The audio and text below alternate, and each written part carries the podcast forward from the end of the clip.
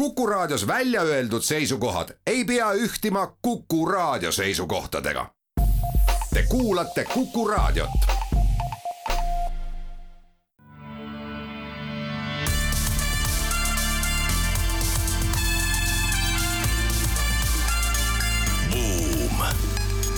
buumile annab hoogu SEB Pank tere päevast, on kahekümne kuues aprill aasta kaks tuhat kakskümmend kolm, oleme taas eetris Buumi saatega, saatejuhid sedapuhku Raivo Vare ja Anto Liivat. uudisteploki avame teadetega sellest, et India rahvaarv on nüüd ületanud Mandri-Hiina oma, küündides enam kui ühe koma nelja miljardini India teemaga ka jätkame, räägime sellest, et Tata Motorsile kuuluv kuulus kaubamark, märk Jaguar Land Rover investeerib üheksateist miljardit dollarit elektriautode ja isejuhtivate sõidukite tootmisse, millega ta on siiani maha jäänud suurte hulgas.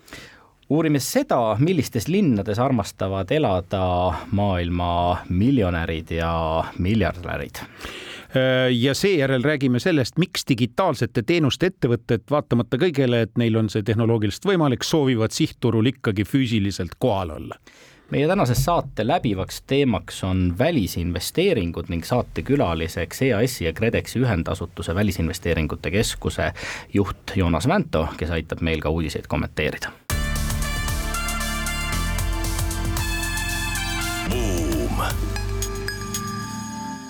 nii nagu lubatud sai, alustame India teemadel. India rahvaarv ületab nüüd juba Mandri-Hiina oma küündides ühe koma nelja miljardini ning üha rohkem äh, kirjutatakse rahvusvahelises majandusajakirjanduses sellest, et saabunud on India sajand. aastaks kaks tuhat viiskümmend peaks India rahvaarv jõudma ühe koma seitsme miljardini, ehk siis äh, võrreldes tänasega peaks lisanduma umbes ühe Indoneesia jagu või siis kahesaja viiekümne miljoni inimese jagu rahvast. võidujooks käib suuresti selle peale, kas India ikkagi suudab tahab saada enne jõukaks, kui ta jääb vanaks, sarnaselt sellele, mida me Hiinas näeme, Hiina muudkui vananeb, vananeb ja vananeb. ja sündivus muudkui langeb, langeb ja langeb ja see ongi tegelikult see võtmeküsimus, sellepärast et on eh, India puhul eh, tekitanud küsimusi see, et ühtepidi on nendel kaheksakümmend pluss protsenti elanikkonnast on nooremad kui viiekümne aastased, mediaanvanus on kakskümmend kaheksa aastat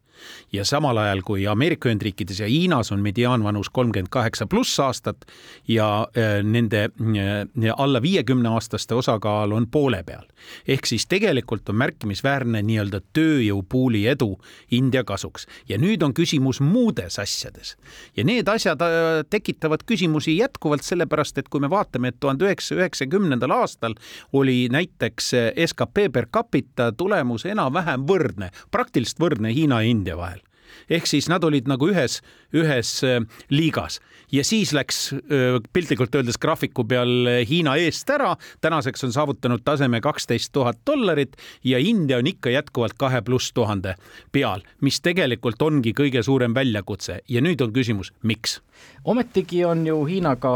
äh, nii nagu India väga populaarne välisinvesteeringute sihtriik. Indiast räägitakse viimasel ajal isegi rohkem seoses sellega, et üha rohkem suuri tehnoloogiaettevõtteid äh, kolivad oma tootmist Hiinast äh, Indiasse. me oleme siin saates palju Apple'ist äh, rääkinud, aga, aga tegelikult ka Samsung, samamoodi Foxconn ja, ja paljud teised. Joonas, miks see nii on? Üks number ilmselt vastab suuresti ära selle, et, et ega tööjõudu on, on mõlemas, et, et, et see ei ole takistus, aga kui, kui India keskmine palk on nelisada veidi peale dollarit, siis, siis Hiinal on juba tuhat nelisada veidi peale dollarit, et hästi lihtne kalkulatsioon, ma arvan, et see on kõige suurem faktor tootmises. no kas samal ajal, kui ma vaatan kõrgharidusvaldkonna töötaja mätta otsast, siis hindude haridus keskeltläbi ei kannata nüüd suuremat äh, kriitikat, paljud äh, diplomid tegelikult ei võimalda adekvaatselt hinnata inimeste teadmiste, oskuste taset, diplomiveskid muudkui jahvatavad, jahvatavad, jahvatavad, aga tegelikult inimestel ei ole seda vilumust, mida töö tegemiseks vaja. pooled inimesed Indias ei pidavat vastama tööjõuturu nõuetele. ja needsamad pooled inimesed on ühtlasi ka töötud nii olen, nii ma lugesin ühesõnaga, et, et aga samas nad teevad õigeid samme, et, et, et viimase uudisega nad investeerivad, tõstavad siis hariduse rahastust kolmteist protsenti, et, et India mõttes, eelarve mõttes on see väga suur, väga suur number. paljud IT-ettevõtted ju tegelikult Äh, ostavad Indiast äh, allhanget ja IT-infrastruktuur äh, pole, pole sugugi paha, isegi ID-kaardid on inimestele suudetud kätte jagada selle meeletu rahvaarvu juures. lihtsalt seda meelde tuletades, et see kõik protsess on neil suhtes kiiresti käinud, sest kahe tuhande üheksandal või kümnendal aastal India IT-minister külastas Eestit, et õppida ID-kaardi rakendamist. mul oli au teda äh, vastu võtta ja seda teemat aretada temaga veel Arengufondi juhina ja ma mäletan väga hästi, et see oli nende jaoks väga suur probleem. Ehk siis tehniline probleem, no me ei hakka sellel praegu peatuma, aga nad on suutnud kuidagi selle ära lahendada. Ja üleüldse öeldakse niimoodi, et üks probleem, mis Indias on, on infrastruktuuri äh, tase, infrastruktuuri nii-öelda mm, kvaliteedi tase ja sellega on nüüd niimoodi, et kui IT puhul öeldakse, et Indias on asjad üldiselt hästi ja me teame seda, siis kõikides teistes valdkondades on probleeme kapaga. üks tore fakt mis silma jäi, kümne tuhande inimese kohta on Indias viis haiglakohta või voodikohta, samal ajal kui Hiinas on neid kaheksa korda rohkem. Ja tõesti, kui seda rahvaarvu ühelt poolt muidugi tuleb käsitleda ja vaadata täna India eelisena, siis teiselt poolt vaadates Indias sisse, on ju regionaalsed erisused väga suured ja see rahvaarvu kasv tuleb ennekõike kõige vaesematest äh, põllumajanduslikest regioonidest, ehk siis India on endist viisi ju ikkagi põllumajandusmaa. see ongi väga tähtis moment, ta ei ole industrialiseerunud. India elanikkonna äh, hulgas on see protsent väga kõrge, kes elavad maapiirkondades ja ka prognooside järgi jätkavad seal elamist erinevalt Hiinast, kus linnastumine on viimasel ajal meeletu tempoga toimunud ja me teame, et tänaseks on Hiinas juba kaugelt üle viiekümne protsendi elanikkonnast linnadesse jõudnud, aga linnad tähendavad ka tööstust absoluutselt, ma tahtsin sedasama asja öelda, ühesõnaga, et, et, et, et see indust-, nii-öelda linnastumine on Hiinas äh, toimunud selle viimase paarikümne aastaga, Indias see ei ole toimunud, aga samas äh, äh nii nagu on, on äh, iibe näitajad Indias nii-öelda kõrgel tasemel, et, et, et samamoodi noh, ikkagi linnadest leitakse neid töökohti. Ja mida rohkem ikkagi ka väliskapital ja välistööstus tegelikult Indiasse läheb, nii nagu on seda Apple ja, ja Samsung ka juba teinud, et, et, et siis äh, noh, ikkagi linnast leiad sa lõpuks selle, selle töökoha ja, ja, ja ka kõrgema palga kindlasti. taristus on muuseas väga suuri samme tehtud eh, moodi valitsemise ajal eh, alates kahe tuhande neljateistkümnendast aastast Indias ja tegelikult me oleme siin saates rääkinud ka nii mõnestki India taikuunist, ei hakka enam neid nimesid meelde tuletama, kes on tegelikult olnud nende infrastruktuuri väljaehitamise programmide vedavateks jõududeks, täna on küll finantsilist hädas jällegi, aga, aga see on nagu valitsuse prioriteet olnud, aga seal on veel üks asi, millest tegelikult üha rohkem jälle räägitakse ja mis mõneks ajaks Hiinas oli lavastatud teisiti. jutt on siis protektsionismist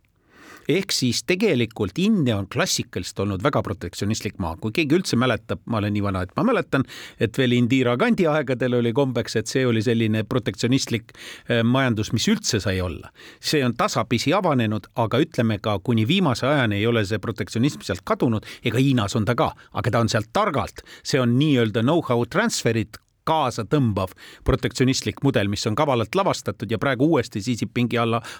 arutatakse variante, kuidas seda mm, uuesti jätkata, seda vahepeal natuke käest ära läinud, liiga protektsionistlikuks läinud mudeliga. aga e, see Indias seda kõike ei ole ja nende enda töösturid kurdavad selle üle ja samas on ka fakt see, et kui nüüd see tootmine, millest te rääkisite, härrased, tuleb Indiasse, siis kurdetakse, et no India ise ei tarbi seda ära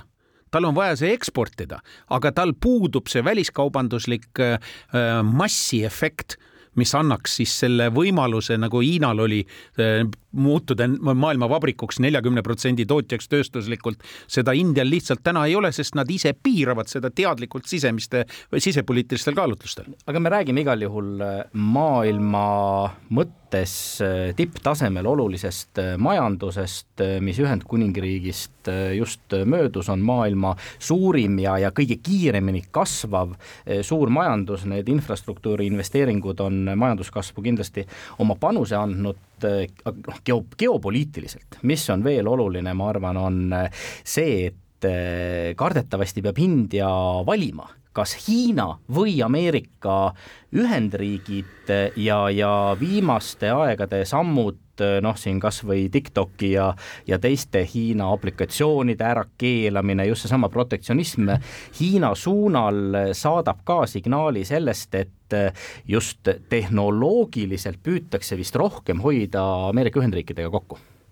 jah, nii, nii see on, et, et aga, aga, aga see, selle nii-öelda kaitsemehhanismi poole pealt ka, et, et, et ma arvan, et, et valitsus on kindlasti äh, selle, selle nii-öelda nihke ära teinud äh, selles, selles meelsuses, et, et nad tahavad ennast avada, nad tahavad väliskaubandust, nad tahavad välistootjaid ja nii edasi, ja, ja seda iseloomustab väga hästi see ka, kuidas äh, ma arvan, et absoluutselt kõik äh, India suursaadikud, kõik riikides räägivad made in India ja tulge meie juurde tootma, mis väga hästi läheb kokku ka iseenesest nii-öelda outward FDI-ga Eesti vaatest võimalusena. ja teistpidi muidugi ka, nad toodavad ju äh, ise niisamuti teistes äh, riikides äh, just nimelt India hiigelsuurele kontsernile Tata Motorsile kuuluv äh, Jaguar ja Land Rover investeerib nüüd üheksateist miljardit dollarit elektriautode ja isejuhtivate sõidukite tootmisesse, ennekõike puudutab see ju Ühendkuningriigis asuvat tehast. vähe sellest, mitte ühte, vaid kogunisti nelja erinevat tehast, kus siis kõik komponendid vajalikud hakatakse seal tegema, kaasa arvatud metalli stampimist ja ja, ja, ja mootori tehaste kokkupanekut, tähendab mootoritehases nii elektri kui mitteelektriliste see Hollywoodi tehas peaks nüüd äh, keskenduma täielikult ainult elektriautode tootmisele ja äh, peagi me peaksime siis saama osta ka täiselektrilist Range Roveri mudelit no, no tegelikult on, luksusauto. tegelikult on, üks mudel on, e-Pace on neil tegelikult olemas ja see on väga korralik auto, aga muidugi hinna ja tema võimekuse suhe veel ei ole nii konkurentsivõimeline, nagu mõnedel teistel on olnud. ja nüüd nad tahavad tahavad astuda sammu edasi ja see on väga tõsine ka tehniline ja tehnoloogiline innovatsioon ja tuletage meelde, et Tata Grupp ei ole sugugi ainult Roveri omanik. Tata Grupp on maailma üks suurimaid autotootjaid ja, ja jätkuvalt kavatseb muuseas saada veel suuremaks. Nemad on ka kuulsad selle poolest, et on ka kõige odavamaid autosid teinud ja jumal teab, mida veel, nii et, nii et selles mõttes see võib anda teatud tehnoloogilise hüppe või, või tõuke ka äh, India tööstusele laiemalt. no ja neil on ka teras omast käest äh, sellest samast kontsernist äh, Tata poole pealt üks, üks põnev fakt juurde, et, et Tata tegelikult tuli, tuli ja tegi ja, ja siiamaani teeb ühesõnaga oma IT-keskust Eestisse et, et väga põnev, kuidas noh, Tata on ju meeletult suur konglomeraat siiski ta valis pisikese Eesti välja selleks, et oma IT, IT-keskust siia teha. Aga, aga noh, Tata ei ole ainukene, et, et, et kõik riigid võitlevad tegelikult selle nimel, et, et rohepöörde tulemusel äh, nii-öelda neid uusi autotööstusi, elektrifitseeritud autosid tootma hakata äh,, näiteks Kanada äh, töötas välja väga-väga suure nii-öelda toetuste paketi selleks, et meelitada sinna, äh, see oli ma ei saa praegu öelda, et, et, et ka väga suur äh, autotööstused, et läheb, läheb oma nii-öelda elektritootmist sinna siis tegema. kuulame nüüd ära kaubanduslikud teadaanded ning seejärel äh, jätkamegi just nimelt välisinvesteeringute teemadel.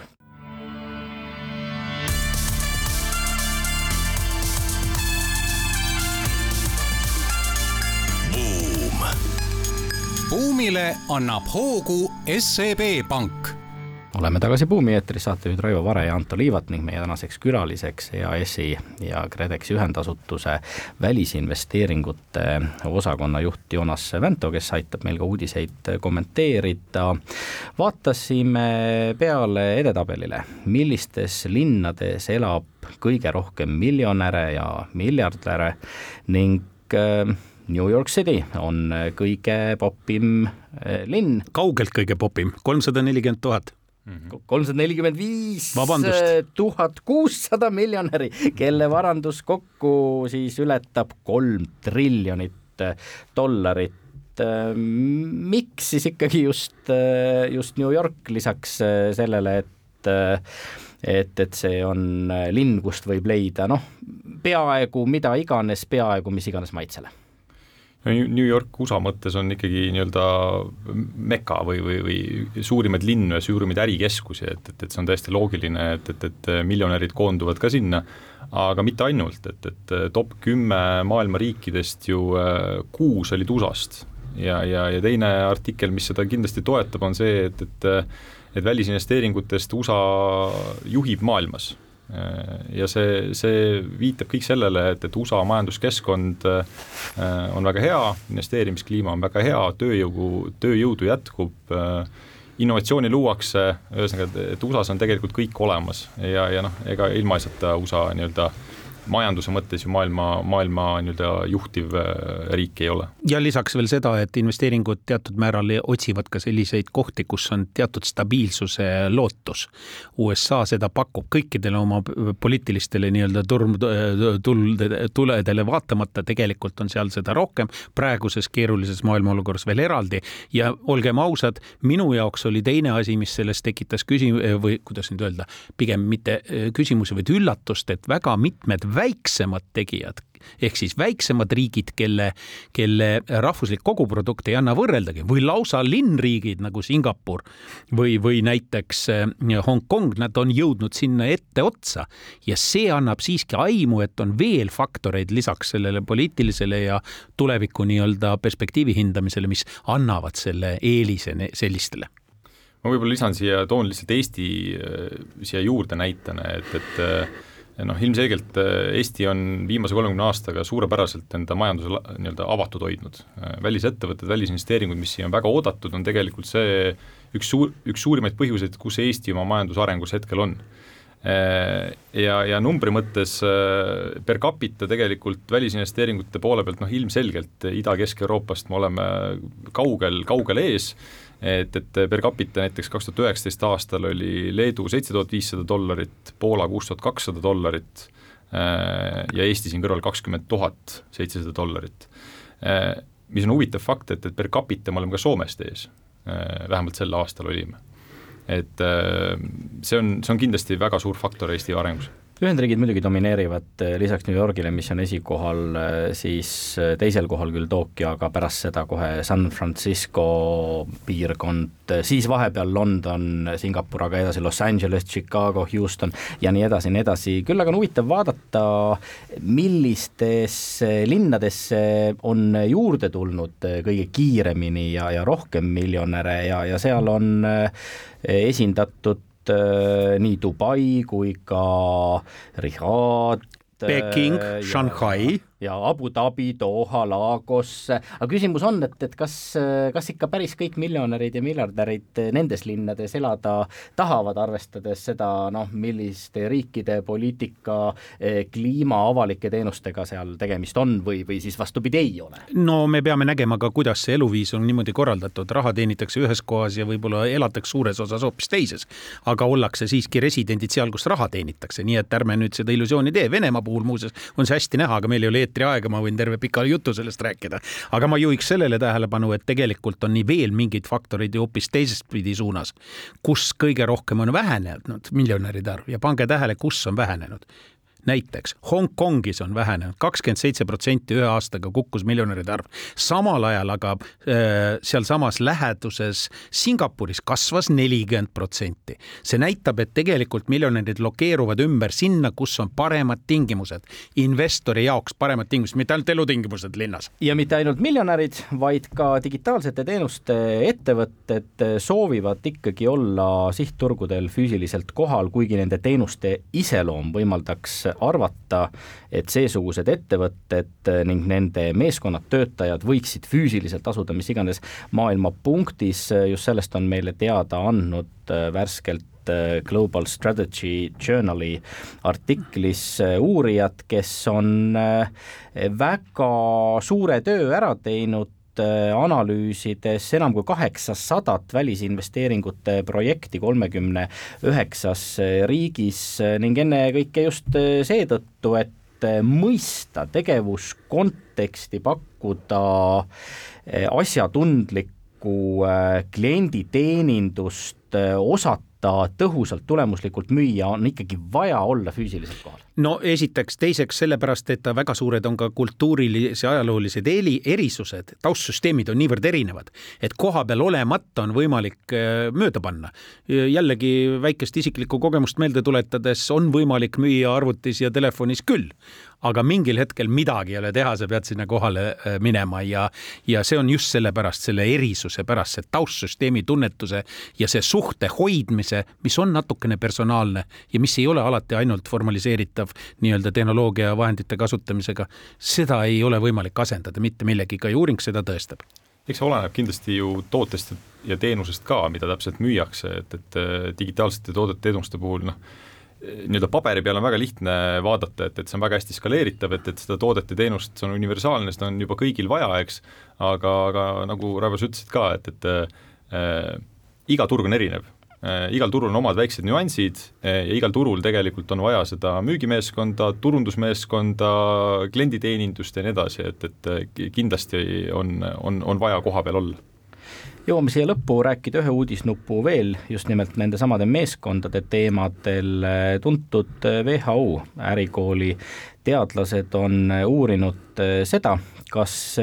inimesed peaksid töökohal saama meeskondi ülesannete täitmiseks ise formeerida või tuleks need meeskonnad teadlikult Äh, komplekteerida kellegi teise poolt. ja sealt sellest uuringust tuli välja, et tegelikult see sõltub sellest, mis on eesmärk. sellepärast, et äh, need meeskonnad käituvad erinevalt. Need, kes komplekteerivad ennast ise, need kipuvad olema solidaarsemad ja ühel arvamusel kergemini jõudma, mistõttu äh, nendel nii-öelda puudub see kriitiline meel ja kui on ülesanne saavutada kiiresti tulemus, kus kõik oleks ühel meelel, siis loomulikult on see lahendus. muuseas, eksperimentaalselt neid äh, lahendusi ka seal äh, tõestati äh, selles uuringus, aga teine variant on siis, kui teil on vaja tulemust saavutada ja kus see on tähtis, et see oleks mitmekülgselt erisusi arvestav ja seejuures oleks veel oluline ka see, et oleks need tegijad oleks igaüks ise võib-olla vähem kollaboratiivsed ja rohkem, kuidas nüüd öelda, rohkem eksperti-, oma ekspertiisile toetuvad ja neid variante on ka väga palju elus ette tulevad, vot siis on tähtis, et nad oleksid pandud kokku teadlikult ja võin seda ka oma juhi praktikas kinnitada, teinekord võid lausa opositsioonilised poolused sada kaheksakümmend kraadi kokku panna ja ikka tuleb tulemus parem, kui oleks kaks ühemeelset seal koos. Juhtimisteadus on tõesti ilmselt selline teema, mis vajaks eraldi saadet ühesõnaga, aga, aga see nagu Ravi ütles ka, et, see vajab mis on eesmärk üldse sellel meeskonnal, et, et äh, kui on, kui on vaja kiiresti mingisugune ülesanne ära äh, saavutada ja teha, mida võib-olla juba varasemalt on tehtud, siis ilmselgelt oleks vaja meeskonda, kes on juba kokku mänginud, äh, sünergiad on olemas, nad teavad täpselt, mida teha, kui on loovust, siis ilmselgelt selline nii-öelda palett erinevatest inimestest, erinevatest oskustest tiimis on, on kindlasti kasulik. jah, üle lihtsustades võiks spordi näitel öelda, et äh, juhi ülesanne on aru saada, mis mängus ta on. kui see mäng on äh, jäähokilaadne, siis on äh, tõesti oluline komplekteerida teadlikult meeskond, kellel on eeldused hästi kokku mängida, kui see mäng rohkem on selline pesapalli moodi, kus individuaalne sooritus määrab suhteliselt rohkem kui, kui jäähokis, siis võib lasta inimestel ka ise meeskonna kokku panna just, eh, eks kindlasti ole see, et, et ma igati pooldan seda metoodikat, et, et meeskonnal võiks olla sõnaõigus see, kes, kes on uus tiimiliige. Eh, et, et selline inimsuste, nii-öelda inimlik isikuste vaheline sobivus peab ju tiimis olema, et, et kui tekivad puht psühholoogilisel tasemel mingisugused äh, sellised vastasseisud, ega see töö ka väga hästi ei edene siis. aga jällegi praktikuna ja vanema inimesena tuletaks meelde, et äh, on neid katseid tehtud ühiskondades valida näiteks tiime, mitte isegi tiime, vaid tiimijuhte. lausa ettevõtte juhte on proovitud valida. no ei tule see eriti hästi välja mitte kunagi, mitte kusagil, kaasa arvatud ka Eestis on seda proovitud. nüüd aga kuulame taas ära kaubanduslikud teadaanded ning seejärel jätkame välisinvesteeringute teemadel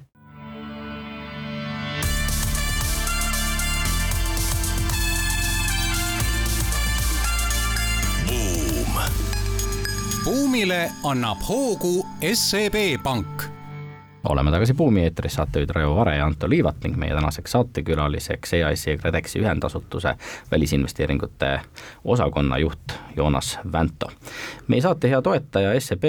avaldas äh, just oma kahe tuhande kahekümne teise aasta jätkusuutlikkuse aruande, mille kohaselt SEB Balti divisjonis kasvas möödunud aastal jätkusuutlike laenude osakaal seitse korda, me räägime siis laenudest,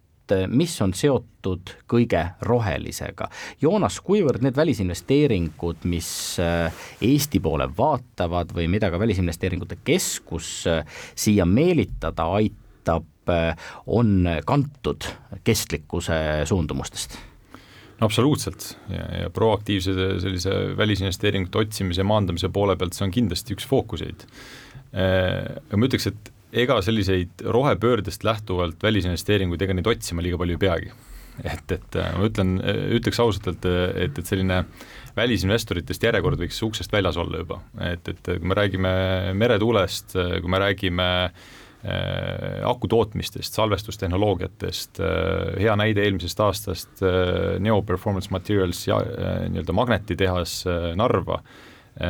see kõik loob äh, nii-öelda eeldused järgnevateks väärtusahelateks, äh, järgnevaks nii-öelda rohepöördele veel rohkem hoogu andvale, andvaks, et, et jällegi sellesama Neo Performance Materialsi näite alusel, et, et et see on alles esimene nii-öelda etapp, et, et mahud kasvavad, püsimagneteid on nii-öelda see nõudlus maailmas on nii suur, et, et ja, ja see investeering Eestisse on strateegiliselt nii oluline mitte ainult Eesti jaoks või, või regiooni jaoks, vaid terve Euroopa jaoks. Et, et püsi, püsimagnetid enamuses ikkagi ja, ja nii-öelda väärismuldmetall käideldakse ikkagi Hiinas mitte lihtsalt ei käidelda Hiinas, isegi see firma omab nelja tehast, millest kolm on Hiinas, aga see on huvitav, et seejuures on ju veel ka selle ärimudeli jaoks, mis on Eestile soodne, konkreetse näite puhul, on see, et tegelikult tekib kogu selles ahelas, tarne ja, ja tootmisahelas ehk väärtusahelas tekib komplementaarsus, sest ega see magnetitehase nii-öelda põhjus siia tekkeks on ju seotud Silmetiga ja Silmet omakorda tegelikult väga suure tõenäosusega saab olema osaliselt varustatud selle tarbeks Gröönimaa poolt. nii et, nii et tegelikult Euroopasse tekib üks omaette selline äh, väärtusahel ja hakkab tootma kümme protsenti tegelikult äh, magnetitest, mis on ülitähtsad ükskõik millises tehnoloogias, muuseas mitte ainult rohelises, ka sõjalises näiteks ja, ja milles Euroopa on absoluutselt ei keegi hetkel ja, ja, ja kuna Ameerika on praegu otsustanud kõiki asju krabada enda territooriumile ja viib kõiki nii-öelda tehnoloogilisi tootmisi teatud määral enda, enda nii-öelda võimkonda, juri-, jurisdiktsiooni ja territooriumile eelkõige, see ei käi sugugi ainult džippide kohta, millest me siin saates palju oleme rääkinud, muuseas ka, ka siin valdkonnas äh, äh haruldaste materjalide puhul, siis tegelikult Euroopa peabki ise hakkama saama, ta peab leidma endale need äh, väärtusahelad üles ehitama Joonas, millised võiksid olla need võimalused veel, mis Eesti majanduse jaoks avanevad seoses äh, sellega, mis väärtus- ja tarneahelates äh, muutub ja, ja millised on maailma majanduse viimase aja ning äh, tuleviku prognoositavad arengud? No kindlasti need väärismuldmetallid on väga suur osa sellest, et, et äh, me räägime sellest, et, et äh, Neo on ise välja öelnud, et, et ta, võib kuni tuhat töökohta luua Ida-Virumaale, et, et, et see on üks nii-öelda üks väljapääs tegelikult sellest põlevkivist ja põlevkivisektorist. Äh, sealt edasi väärtusahelatest, et me oleme antud ettevõttega juba rääkinud, et, et keda te otsite siia, et, et äh, kuidas me saame aidata järgnevaid väärtusahela põhiseid ettevõtteid siia tuua, kas me räägime elektrimootorite tootmisest, kas me räägime tuulegeneraatorite tootmisest, sealt edasi tuulikulabad, elektriauto mingid detailid veel, et et see kindlasti on üks, üks ähm, võimalusi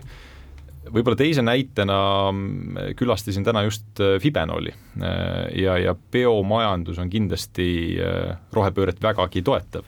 et, et kui me räägime sellest, mis minu jaoks tuli väga suure üllatusena, et, et, et nad suudavad siis ähm, puidust välja võtta ligniini ja ligniinist tegelikult asendada bituumen asfaldis ja kui, kui esmapilgul tundub, et see on midagi väga uut, väga innovaatilist ja midagi sellist, mida pole kunagi varem nähtud, mis tähendab ka seda, et, et see hind on ilmselt kordades ja kordades suurem, siis nende enda nii-öelda jutupunktide sõnumi puhul ütlevad, et, et see on, teedeehituses kümme protsenti ainult kallim. kümme protsenti ainult. no väga palju loodussõbralikum seejuures. absoluutselt. Milliste... ja, ja, ja ühe asja lisan siia juurde, et, et kust tuleb üldse bituumen hetkel äh, Eestisse, et, et Venezuelast. jah aga lisaks äh, materjalidele, milliste tehnoloogiate või uute ärisuundade poole Välisinvesteeringute Keskus veel vaatab, kui McKinsey möödunud aasta lõpu suurt uuringut Ühendriikide ettevõtete pealt tehtud uuringut vaadata, kus sooviti teada saada, milliseid ärisuundi suurettevõtted arendavad, noh siis sealt tuli äh, välja kõik see, mida me võime andmetöötluseks, andmemajanduseks äh, nimetada, aga ka samuti ka mm, e-kaubandus on, on üks populaarsemaid suundi, mehitamata lennundus, kas me ka Eestist sinnapoole vaatame? No absoluutselt. Ja, ja selle eesmärgiga ju üritamegi neid välisinvesteeringuid otsida ka, et, et et mis tooks mitte ainult kapitali siia, vaid tooks ka nii-öelda know-how'd, teadmisi ja, ja, ja ka miks mitte soovi nii-öelda RD-d või teadusarendust nii-öelda Eestis teha. Et äh, droonid, kõik isesõitvad äh, sõidukid maal, merel, õhus äh,, aga, aga kindlasti ka nii-öelda IT poole pealt, et nagu sa mainisid ka, et andmetöötlus. äh,, küber, äh, cyber security nii-öelda, et äh, kõik see, mis tegelikult äh, nii-öelda sobib meie väärtusahelatesse, noh, digiriigina kindlasti IT on üks väga suur roll sellest ja, ja teine pool kindlasti see, et, et kõik see, mis on võimalikult kõrge lisandväärtusega, et, et tööstus digitaliseerub aina rohkem, aina rohkem võiks väärtusahelaid kasvatada selleks, et me saaksime seda nii-öelda lisaväärtust Eestisse jätta, mitte ainult nii-öelda lihttooret tegelikult nii-öelda import äh,, eksportida, eks. et äh, mille pärast jällegi hea näide ongi see Fiboneol, et, et ta suudab üheksakümmend viis protsenti sealt puidust välja võtta ja väga äh, kõrgelt seda lisandväärtustada no ma arvan, et tegelikult see kõige suurem väljakutse väikeriigi jaoks nagu Eesti ongi, et kui me ei taha olla nii nagu Holland, kes pakub suuresti ka olles teiseks otseinvesteeringute riigiks pärast Ühendriike pakub tegelikult ju finantsvahendusteenust sisuliselt, eks ole, juriidika eripära ja, ja kõik muud asjaolud sinna juurde arvestades, siis meie tahame, et meile jääks know-how, et meil oleks see väärtusahela kõrgetes lülides töötavate inimeste hulk, kes annavad tegelikult lisandväärtust ja kes igaüks loob loob neli pluss töökohta lisaks. Selleks, et tema üksi saaks töötada, on vaja veel neli, nelja erinevat inimest, see on ju tegelikult äh, meie nii-öelda šanss. Just ja noh, võib-olla lisaks siia juurde, et, et äh, see, millist välisinvesteeringut siia otsida, et, et, et äh, see ei saa olla äh, mingisugune meeletult suur tehas. noh, me oleme ikkagi üks koma kolm miljonit elanikku, on siin tööjõudu kuskil seitsesada tuhat, et noh, me kunagi ei suuda konkureerida näiteks Poolaga, mis ei ole üldse meist tegelikult väga kaugel. Äh, aga, aga, aga noh, üks, üks mõtetest, mida, millega me nii-öelda liigume, on, on see, et, et miks mitte Eesti ei võiks olla äh, väga kõrge teadus-arenduse mahuga projektide nii-öelda test lab äh, või, või hub, ühesõnaga, et, et, et siin tehakse demotehas, see juba nii-öelda hakkab tootma, ta on ennast ära tõestanud, tal on kliendid olemas ja siis toimub väljapoole investeering, aga siiski omanik Äh, omanik äh, on, on eestlane. Äh, väga tuletab meelde ühte arengufondi kunagist ideed Decide Estonia kuulame nüüd taas ära kaubanduslikud teadaanded ja seejärel jätkame.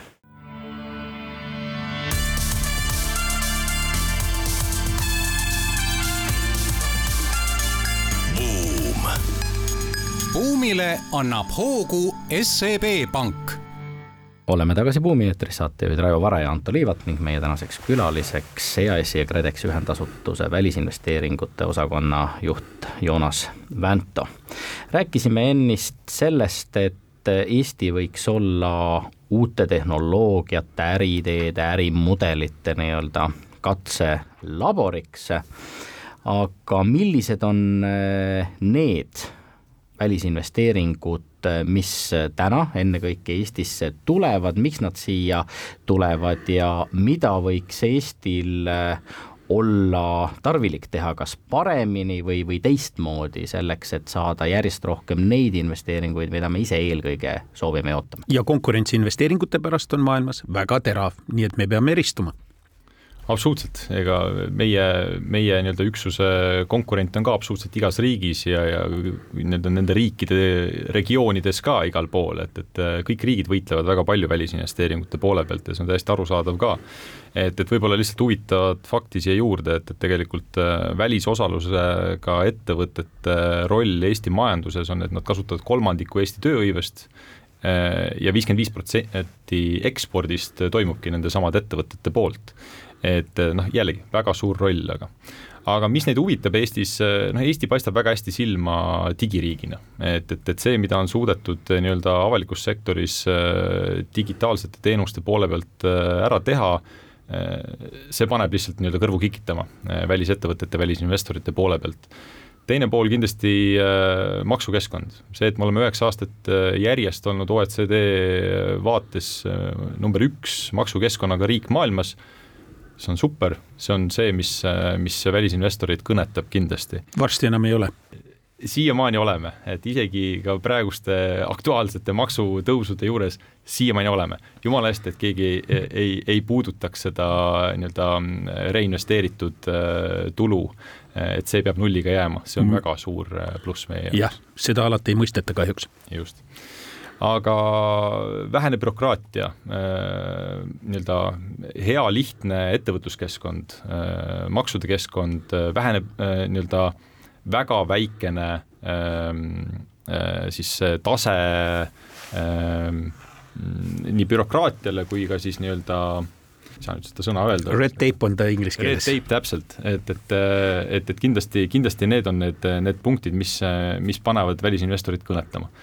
millised investeeringud tulnud on? Ehm, noh, siin on, kohal on hea, hea välja öelda ka numbri, et, et, et oleme iseenesest väga uhked selle üle, et, et muidugi kindlasti me ei mõjuta kõiki välisinvesteeringuid, mis, mis Eestisse tulevad, et, et, et, et see on ainult viis kuni kümme protsenti, olenevalt nii-öelda aastast, aga, aga eelmisel aastal, mis oli ju väga keeruline aasta, eh, nii poliitilisel tasemel, majanduslikul tasemel, eh, Covidist Covidist välja ja otse nii-öelda energia- ja sõjakriisi ühesõnaga, et, et aga, aga siiski ähm, kuna selgitusti oli välisinvestoritel väga palju, äh, siis, äh, siis ikkagi tehti rekord äh, välisinvesteeringute vaatest, et kolmsada viiskümmend üks miljonit välisinvesteeringut siis Eestisse maanduma hakkab. no Välisinvesteeringute Keskus on sisuliselt Eesti riigi müügiagentuur neile, kes soovivad oma äritegevust siia kas tuua või siin seda arendada, kasvatada, Välisinvesteeringute Keskus on ka mitmel korral maailma parimaks valitud mille eest meid tunnustatakse. Ja kui me juba nii head oleme, siis mis võiks olla järgmine samm arengus?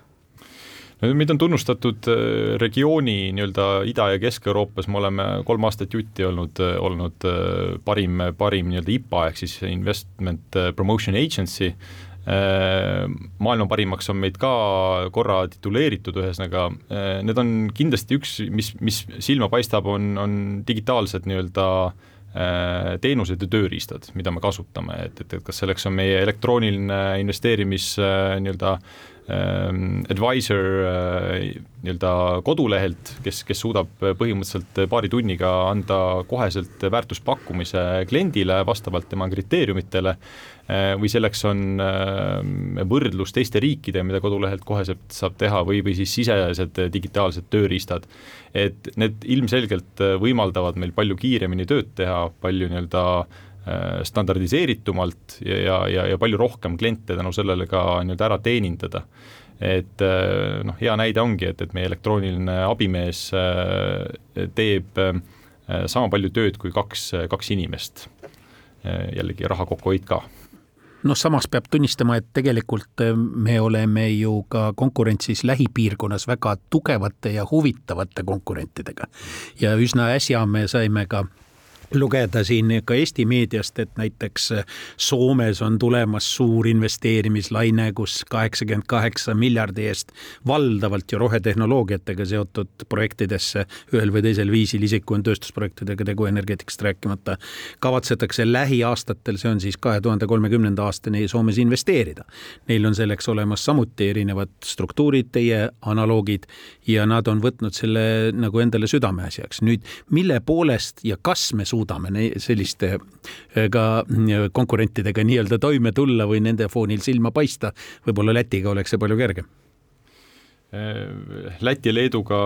noh, absoluutselt suudame konkureerida, et, et, et seal, seal ei ole üldse küsimust, kui me räägime tööstuse poole pealt, siis, siis noh, Poola kindlasti on väga suur konkurent. kui me räägime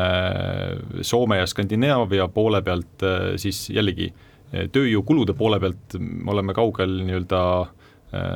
konkurentsi mõttes eest ära, et, et meie tööjõukulud on siiski madalamad veel, et, et konkureerime kindlasti. noh, kõige suurem takistus, mis meile selliseid tööstusinvesteeringuid, äh, mida seal Soomes ka näiteks terase rohetehase nii-öelda tootmise poole pealt äh, tehakse, et, et meil on tööjõud, on lihtsalt nii-öelda väga limiteeritud.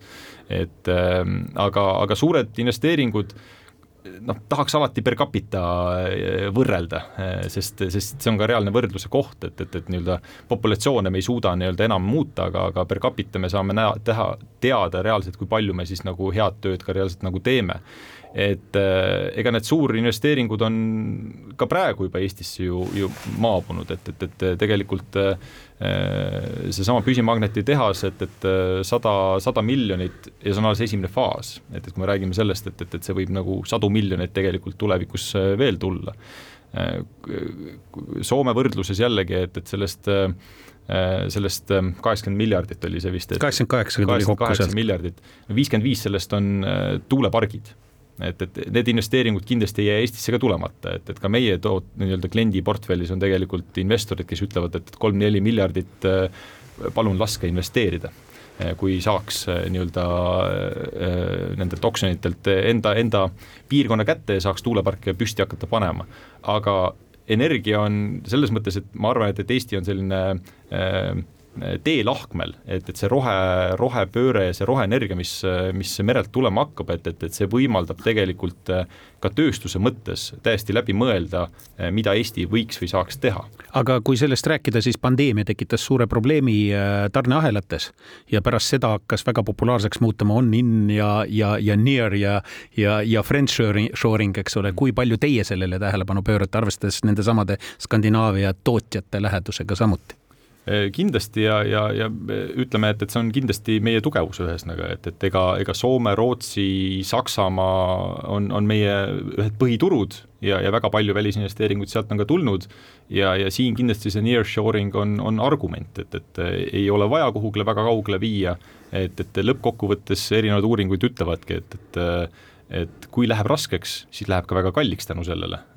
ja, ja lõppkokkuvõttes ta ei pruugi üldse nii-öelda võit seal sees olla, kui kuskil kaugel ja väga soodsas kohas tootmine on. meie saateaeg hakkab ümber saama, küsin viimase küsimuse, kas sellest, mida Välisinvesteeringute Keskus teeb ja endale sihiks seab, võiksid võita ka kohalikud omavalitsused, mis ei ole Tallinna ja Tartu linn? Absoluutselt, et, et äh, meie värskelt äh, valminud uues strateegias on ka kahe tuhande kolmekümnendaks aastaks, et need nelikümmend protsenti välisinvesteeringutest äh, lähevadki regioonidesse, mis tähendab siis seda, et, et Tallinn, Tartu ja Rõngas vallad võtame siit nii-öelda välja aga ka praeguselt on ju eh, eh, nii-öelda regioonidesse meie poole pealt ka investeeringuid läinud, et, et äh, Ida-Virusse kindlasti, mis toetab ka õiglase ülemineku fondi toetused vägagi. Äh,, hea näide eelmisest aastast, Bifrost Taag, kes läks äh, Saaremaale, teadus-arenduskeskus, tootmine, sai EAS-ist näiteks ka rakendusuuringute programmist toetust, tead-, väga teadmusmahukas projekt Äh, ühtlasi hakkavad tootma siis äh, nii-öelda äh, jäälõhkujaid väiksematele laevadele, arendavad need siin Eestis välja, toodavad mis hakkavad tulevikus siis ka meretuuleparke teenindama aitäh, Joonas Vänto ja SE KredExi ühendasutuse välisinvesteeringute osakonna juht meile saatekülaliseks tulemast. meie oleme Buumi saatega eetris juba täpselt nädala pärast kolmandal mail, siis on meie saatekülaliseks Tallinki juht Paavo Nõgene, räägime laevandusest ja merevedudest. seniks aga head nädala jätku ja kuulmiseni.